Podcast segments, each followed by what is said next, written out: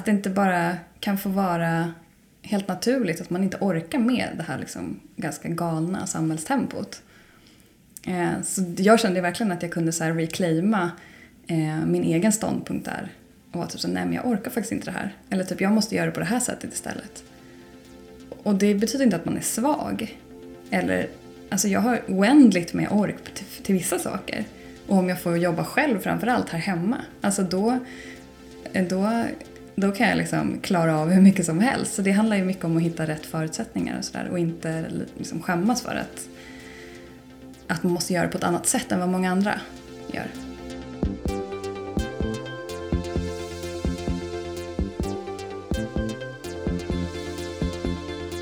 Du lyssnar på HSP-podden med Leveby och Klar. Hej och välkomna till ett nytt avsnitt av HSP-podden med Leveby och Klar. En podd som handlar om personlighetsdraget högkänslighet. Vi som gör podden är jag, Matilda. Och jag, Ida. Hur är läget med dig, Ida? Ja, men jag pratade ju förra veckan om ett bakslag efter resan som jag var rädd skulle komma. Ja, just det. Det har nu kommit. Det har det. I, med en eh, tsunami av känslor. Ja, Jag drömde till och med i natt att jag drunknade igen. det gjorde det. Jaha. Det blir så, tydligare än så blir det inte. Nej, så nu är det liksom hela havet stormar här. Ja. Ja. Eh, så jag är lite trött och det låter, det hörs säkert också. Eh, men så får det vara. The pod must go on. ja, precis så. Hur har det gått med dig och din önskan om att äta lite mindre kött och mer grönsaker? Ja, det har ju på det stora hela gått ganska bra. Men jag har ju ätit bacon två gånger den senaste veckan. Så jag vet inte riktigt om, om eh, lyssnarna tycker att det är godkänt. Jag vet att vi var på lunch här veckan eh, och då sa du bara rakt upp och ner Nej, nu sitter jag och äter bacon igen. Ja, jag hade inte ens märkt det själv. det går av bara farten. Ja, men jag tror ändå att jag, jag kommer att, att få koll på det här mer och mer. Och som sagt, jag ska ju inte bli vegetarian helt, utan då och då kan det vara okej. Det där bestämmer ju du. Ja. Innan vi går över till veckans gäst så måste vi ju också berätta att vi har smyglanserat vår nya sajt. Ja! Allt om högkänslighet.se heter den. Så om ni är nyfikna, gå gärna in och kika lite. Vi testar lite och sådär fortfarande så att det blir en lite större lansering eh, om några veckor skulle jag tro. och vad är tanken som vi har med den här eh, sidan då? Att presentera våra nyheter om högkänslighet på ett bättre sätt. Ja, för jag tror att det har varit lite svårt för er lyssnare att kunna liksom relatera till just nyhetsvärdet. Vi är ju två journalister och det vi gör är ju nyheter om det här ämnet. Och många har trott att det bara har varit en blogg. Ja, och vi vill nog liksom göra den här känslan av våra artiklar lite tyngre. Att det faktiskt är journalistik det handlar om. Och då så passar ju det nya namnet också helt perfekt. Så gå alltså in på alltomhögkänslighet.se för att läsa allt det läsvärda som vi har skrivit om högkänslighet. Ja, jättebra idé. Den här veckan så har vi träffat 28-åriga matkreatören Agnes Gällhagen som ligger bakom den populära bloggen Cashew Kitchen där hon skapar recept åt tidningar och företag helt enligt eget huvud. Hon stylar och fotar sina bilder själv och så bloggar hon ju då om mat. Men bloggen handlar också mycket om hur det är för Agnes att vara högkänslig introvert och också egenföretagare. Och det är ju någonting som många av oss högkänsliga efter, eftersträvar. Att få förfoga över vår egen tid och att få jobba på ett sätt som passar oss bättre. I alla fall om man eh, kollar av populära ämnen i eh, HSP-grupper på sociala medier. Jag vet att det är någonting som ni snackar mycket om. Och Agnes menar att alla har förutsättningar för att starta eget och göra sin egen grej. Man behöver inte vara superextrovert och säljare utan gör man det som man tror på, ja, då går det vägen. Och hon tycker inte att man som högkänslig och introvert ska undvika det som är jobbigt utan snarare våga utmana sig själv och sina föreställningar om sig själv. Om man tror att man är blyg och inte törs och inte kan så vill hon liksom peppa oss nu. Och hon har alltid sett framför sig att hon ska jobba själv hemifrån. Och nu gör hon ju det efter att ha sagt upp sig från sitt tidigare jobb eftersom att hon inte tyckte att hon riktigt fick den återhämtning som hon behövde. Och hennes berättelser hoppas vi ska kunna inspirera er som kanske går i liknande tankar eller som bara vill lägga mer tid på er hobby. Vi fick komma hem till Agnes en av de dagarna som det hade snöat mest i Stockholm hittills. Och därför har vi en snöplog utanför fönstret i bakgrunden då och då om ni undrar vad det är som låter. Men inne hos Agnes var det varmt och mysigt, så följ med in. Jag är matkreatör och matbloggare. Även högkänslig och introvert, egenföretagare. Jag är uppvuxen här i Stockholm och jag jobbar från den här lilla lägenheten som vi nu sitter i. Så det här jag gör mina recept och stylar och fotar mina bilder och skriver mina texter och sådär. Är du liksom en enpersons eh, show? alltså, ja, det får man väl säga. Lite så. Eh, jag tycker jättemycket om att jobba med andra också och det gör jag, det gör jag då och då och jag gör gärna det mer men, men det är klart det är jag som driver liksom hela mitt företag i princip själv. Om vi backar bandet då lite, vad gjorde du förut? Alltså jag har gjort flera olika grejer som egentligen alla så här knyter an till det som jag gör nu. Så eh, eh, först så gick jag på konstskola i flera år eh, och alltid hållit på mycket med konst och sådär och det är ju någonting som, som ligger väldigt nära det jag gör nu. Sen så är jag utbildad humanekolog eh, som i princip innebär eh, man läser hållbar utveckling ur ett samhällsvetenskapligt perspektiv. Det var väldigt mycket så matproduktion och sådär. Så där fick jag verkligen upp intresset för det. Men precis innan jag eh, startade, eller innan jag började frilansa som matkreatör, då jobbade jag på Salt och Kvarn. Eh, som ju tillverkar ekologiska matvaruprodukter. Eh, så där lärde jag mig sjukt mycket om ja, men bara så nörda ner sig på olika livsmedel, typ vad de har för så näringssammansättning och hur produktionsvillkoren och metoden ser ut och allt sånt där. Så det var det jobbet jag sa upp mig ifrån när jag skulle bli frilans på heltid. Då. Och hur kom det sig att du tog det steget? Alltså jag kände lite, ja, då hade jag gjort det här på deltid ett tag, att eh, skapa recept och blogga om det och sådär. Eh, men sen så kände jag att jag kom liksom till någon slags nivå där jag var tvungen att satsa på heltid för att annars skulle det aldrig kunna bli heltid. Alltså jag var tvungen att, jag fick ut ungefär så mycket som jag gav kan man väl säga. Så att när jag började då ge mig själv till det här på heltid så, så började det verkligen hända grejer. Eh, sen så bloggar jag ju också om mat eh, och där, där kommer det liksom in andra ämnen också. Det är mer så här live, finns lifestyle-element och att jag bloggar om kreativitet och... Du skriver om dig själv där ja. också och, och om din högkänslighet. Ja, det är en väldigt eh, personlig blogg så. Och det är nog för att eh, det har varit, alltså det blir, sån, det blir så påtagligt i hur jag jobbar att jag är högkänslig. Jag måste hela tiden tänka på det och anpassa liksom lite hur jag hur jag planerar mina dagar och mina veckor och det är väl också lite därför som jag jobbar så här som jag gör. Alltså jag har ju, liksom, det har ju varit ett medvetet val att jag, jag är väldigt dålig på att vara anställd för mig själv.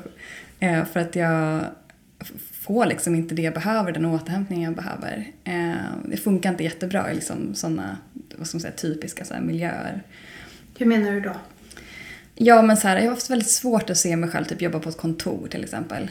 Eh, för att det är mycket stimulans och det är mycket, liksom, mycket ljud och ljus och, och olika grejer som distraherar. Och, eh, så jag har liksom alltid sett framför mig att jag ska jobba själv hemifrån i kanske en ateljé eller på ett kontor. Eh, eh, så det har liksom varit ett medvetet val också i den typen av yrke som jag har valt kan man väl säga. Att det har liksom gått åt det så kreativa, frilansande hållet. Men vad var det vi började prata om egentligen? När förstod du att du är högkänslig? Då var jag 23, nu är jag snart 29. Och det var en artikel i Svenska Dagbladet som, eh, jag tror det var Underbara Klara som hade bloggat om den. Så jag hittade den via henne och läste den och det var verkligen så här eh, spot on. Eh. Alltså jag kände igen mig på precis allting och jag hade aldrig hört talas om någonting sånt överhuvudtaget innan. Så det var verkligen så helt ny information. Och kände mycket som, ja men man tror typ att det är någonting som är fel på en. Men så inser man att det är jättemånga som upplever samma sak och att det, det är inte alls något konstigt egentligen utan det kan i själva verket vara en styrka. Så jag började se liksom allt det där som hade varit så jobbigt och som jag hade liksom förbannat mig själv för lite grann innan. Började jag se styrkorna i mer då. Vad var det du hade tyckt varit jobbigt? mycket det här med så här, humöret och orken, hur det kunde gå så otroligt upp och ner. Alltså att man kunde vara liksom i sitt sociala esse en kväll och sen så ändå komma hem och vara helt gråtfärdig typ. Alltså jag förstod verkligen inte så här vad sjutton det var som var fel egentligen. Så att jag verkligen har tänkt så här, men gud har jag typ eh, är jag bipolär eller liksom har jag kroniskt trötthetssyndrom eller börjat tänka liksom i sådana banor.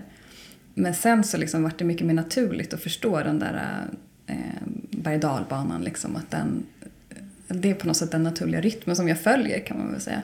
Och när man förstår den lite mer kan man ju också undvika att eh, topparna och dalarna blir så höga och djupa liksom. Vi låg i parken här Matilda och jag för, var det nu två år sedan kanske på sommaren?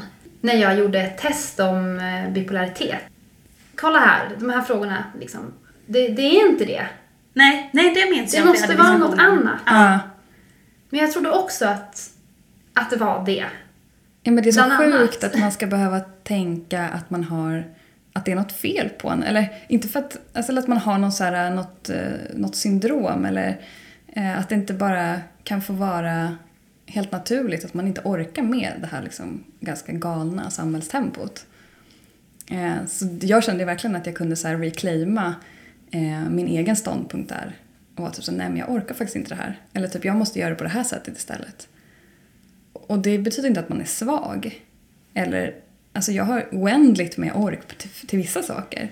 Och om jag får jobba själv framförallt här hemma, alltså då, då, då kan jag liksom klara av hur mycket som helst. Så det handlar ju mycket om att hitta rätt förutsättningar och sådär och inte liksom skämmas för att, att man måste göra det på ett annat sätt än vad många andra gör. Du är introvert också, Mm. har du berättat. Mm. Hur har det spelat roll eh, tillsammans med din högkänslighet? Det ger ju kanske en till dimension att man tycker att man är blyg kanske eller inåtvänd eller... Jag tror att när jag säger att jag är introvert till eh, folk som jag träffar så får jag ofta reaktionen så här Va? Men du som är så himla social, jag skulle absolut inte definiera dig som introvert. Så att jag tänker att det finns lite den här bilden av att om man är introvert så är man blyg eller tillbakadragen eller att det liksom handlar mer om Eh, hur man är som, hur ens personlighet är och hur man uppfattas av andra. Och så är det ju, så kanske det är för vissa att, att man är mer blyg eller tillbakadragen. Men jag, för mig har det ju varit mer det här med liksom vart jag samlar min energi. Eh, jag behöver verkligen också få vara runt människor och eh, kan trivas ganska bra med att få vara social och sådär. Men eh, jag behöver liksom få vara själv för att återhämta mig. Jag tänker att det där går lite hand i hand med högkänsligheten också. Det handlar ju om att jag blir lätt överstimulerad av, av människor också. Du har, eh, är ganska öppen med både högkänsligheten och att du är introvert på din blogg och sådär. Mm. Jag tror det står i presentationen till och med. Mm, det Hur kommer det sig att du berättar om det? Det föll sig ganska naturligt att jag ville skriva personligt. Jag skrev liksom om, om ända från början om liksom saker som hände i mitt liv och saker som jag tänkte på. Och så här, det har alltid varit viktigt för mig att få uttrycka mig så. Och, och få reflektera öppet och sådär.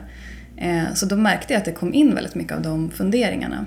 Så det har fallit på plats ganska naturligt. Sådär. Och så har jag också märkt att de som läser min blogg är ofta högkänsliga och introverta själva.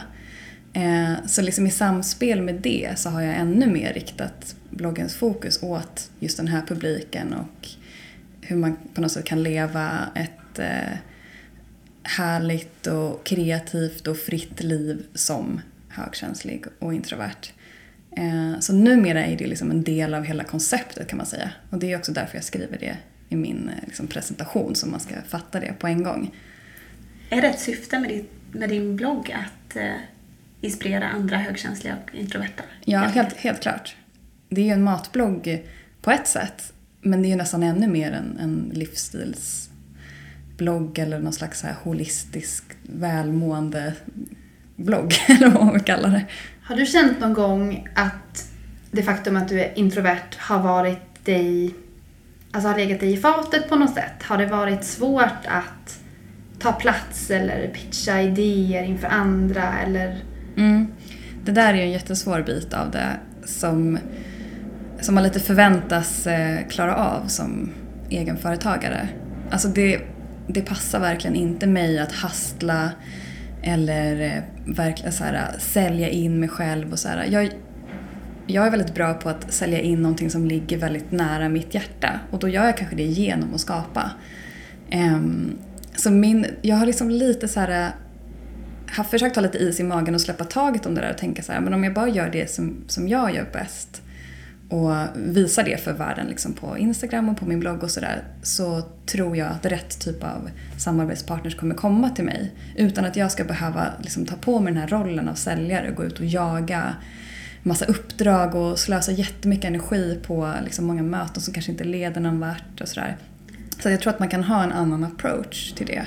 Tror du att det är just den biten som introverta ibland, att det gör att introverta inte riktigt vågar ta steget och starta eget till exempel?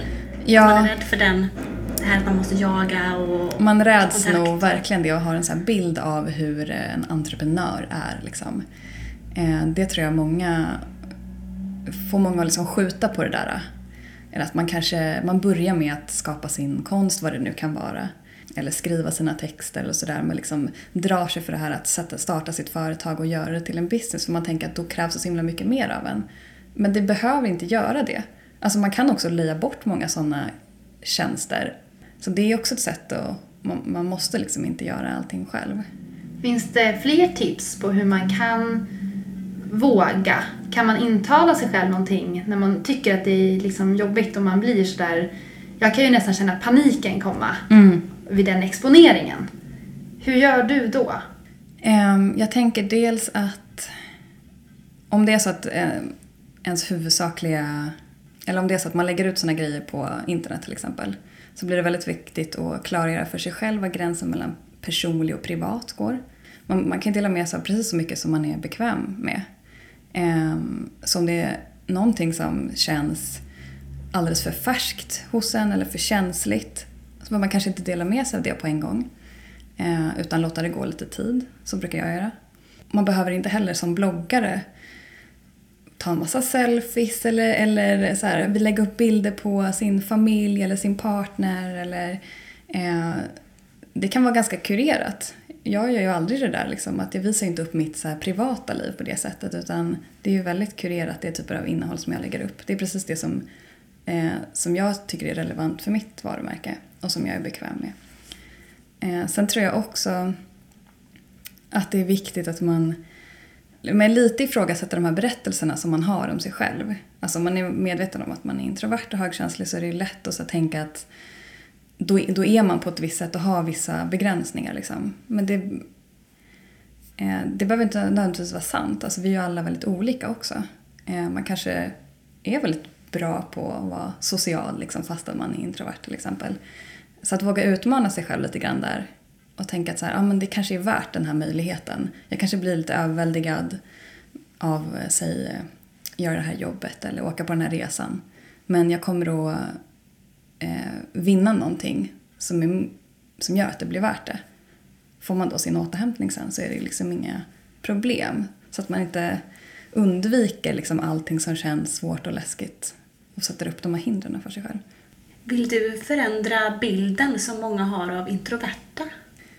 Alltså jag skulle inte säga att det är mitt mission, men, eh, men det vore ju skönt om eh, man kunde ändra bilden av introverta som, som misfits i samhället. Liksom. För jag tänker att det är lite den bilden som, som många har nu. Att det är liksom... Att vara extrovert är något som premieras. Men det finns väldigt många fördelar med att vara introvert också. Alltså vi behöver ju, man behöver ju båda delarna i en arbetsgrupp till exempel. Så det är klart att jag, och hoppas att den bilden förändras. Man behöver inte dra alla introverta eller högkänsliga över en kam utan eh, det kan vara så att man har vissa av de aspekterna. Men man kanske har andra grejer också. Att vi är alla liksom olika så att man inte fastnar för mycket i olika så berättelser och föreställningar om sig själv som kan vara ett hinder för en. För att man ska våga ge sig ut på sånt som känns lite mer utmanande. Utan kanske snarare tänka att så här, ja, men jag klarar av det här. Om det dyker upp en möjlighet som känns spännande eller lite läskig också.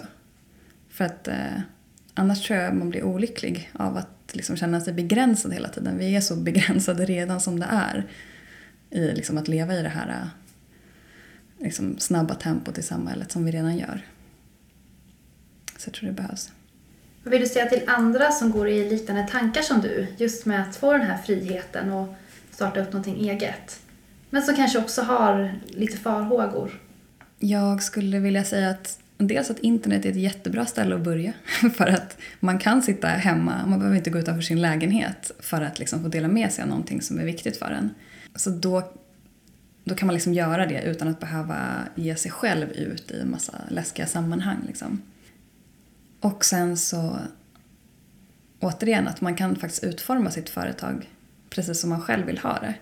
Alltså det som kallas för lifestyle business. Alltså man anpassar sitt sätt att jobba utefter den livsstil som man vill ha.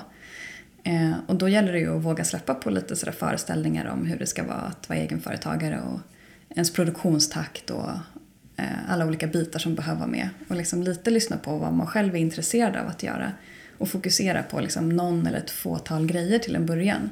Så får man väl se liksom hur modig man är att gå vidare sen. Jag satt på en eh, grilltillställning i somras. Och då hade Matilda och jag nyss dragit igång podden. Och då var jag så himla glad och berättade för den, eh, om den, mm. eh, om podden för det här middagssällskapet. Och den första frågan jag fick, eller den första reaktionen jag fick var ah, Okej, okay, men hur ska du ta betalt för det då? Mm. Hur ska du tjäna pengar på det? Och det var så himla tråkigt. För att jag var så stolt och det kändes så roligt och jag var så pepp. Men andra människors syn var liksom, hon har inte tänkt. Och jag visste inte vad jag skulle säga. Men det där är så himla typisk reaktion så fort man ska göra någonting som är, har minsta gnutta kreativitet i sig eller, eh, eller som går lite utanför ramarna. Liksom. Och grejen är att man måste inte tjäna pengar på allting som man gör. Det kan ju finnas ett värde i att göra det ändå om man gör det kanske utöver ett annat jobb som man har. Men sen tycker jag också att det är så himla synd att det är den här, finns den här bilden av att som kreatör eh, så förväntas man lite jobba gratis för det man gör. Eller det är liksom ingen som räknar med att man ska ha det som ett jobb utan det ska vara lite en hobby. För man är passionerad så att varför ska man, man borde liksom vara, vara nöjd och tacksam ändå. Men jag tänker att det finns alla möjligheter att tjäna pengar på att podda eller blogga. Alltså, det handlar nog mer om, man kan ju vända på den frågan och tänka att den personen som ställde den förmodligen inte har jättebra fantasi och inte jätteinsatt i liksom online innehållsvärlden.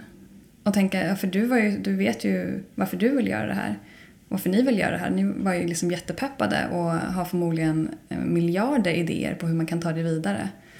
Um, men jag förstår att man blir nedslagen. Alltså det blir jag också när folk tvivlar på det, på det jag gör och tänker så här, liksom frågar om jag har någon så här backup-plan och hur många månader jag ska göra det här innan jag liksom går tillbaka till mitt jobb. typ. Men jag har aldrig haft någon backup-plan. Alltså jag tänker att det...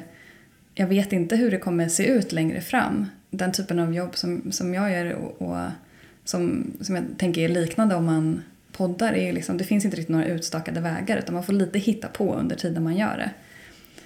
Och lita på att, det, att man löser det, att man är så pass resursstark. Liksom. Lite som det du sa också med att du litar på att det på något vis, om du gör det som du tycker om och, och brinner för, så kommer det på något vis att ordna sig. Mm. Det kanske också är en tanke som utmanar personer som inte har den här kreativiteten. Mm.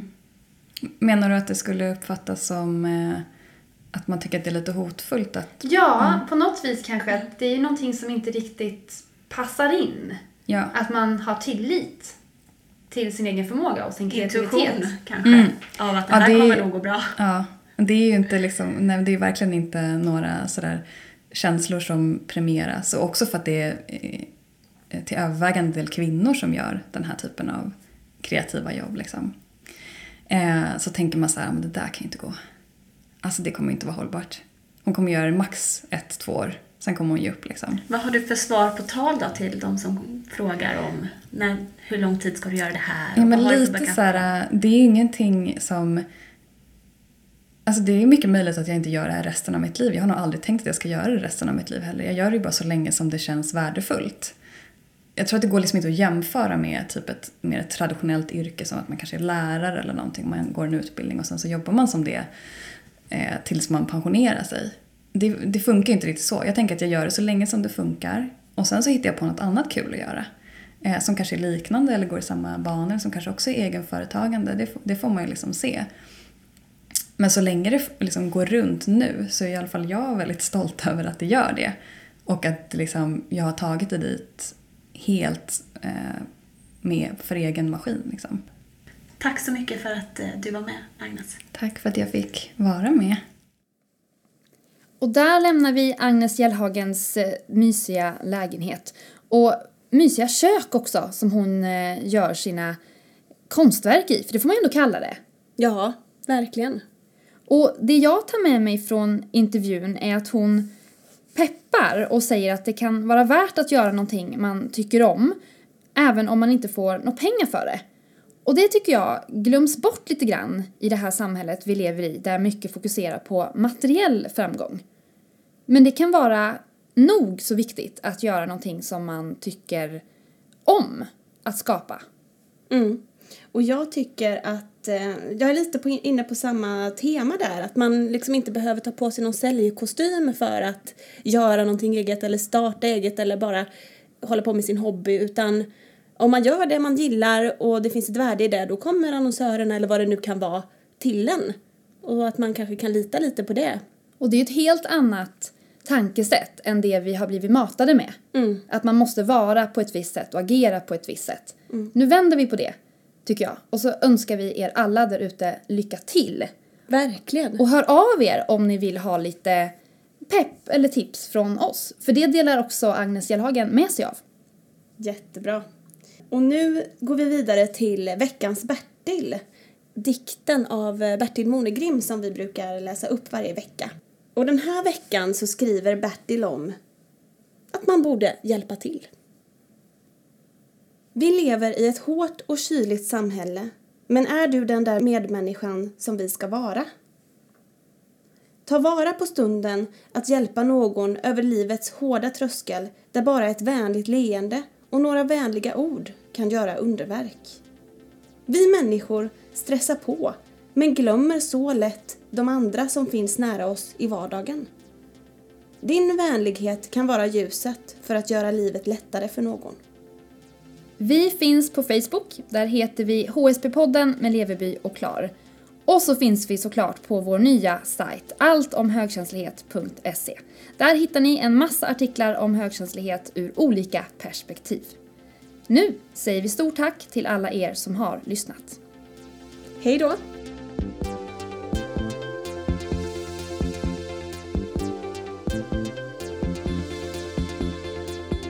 Du har lyssnat på HSP-podden med Leveby och Klar.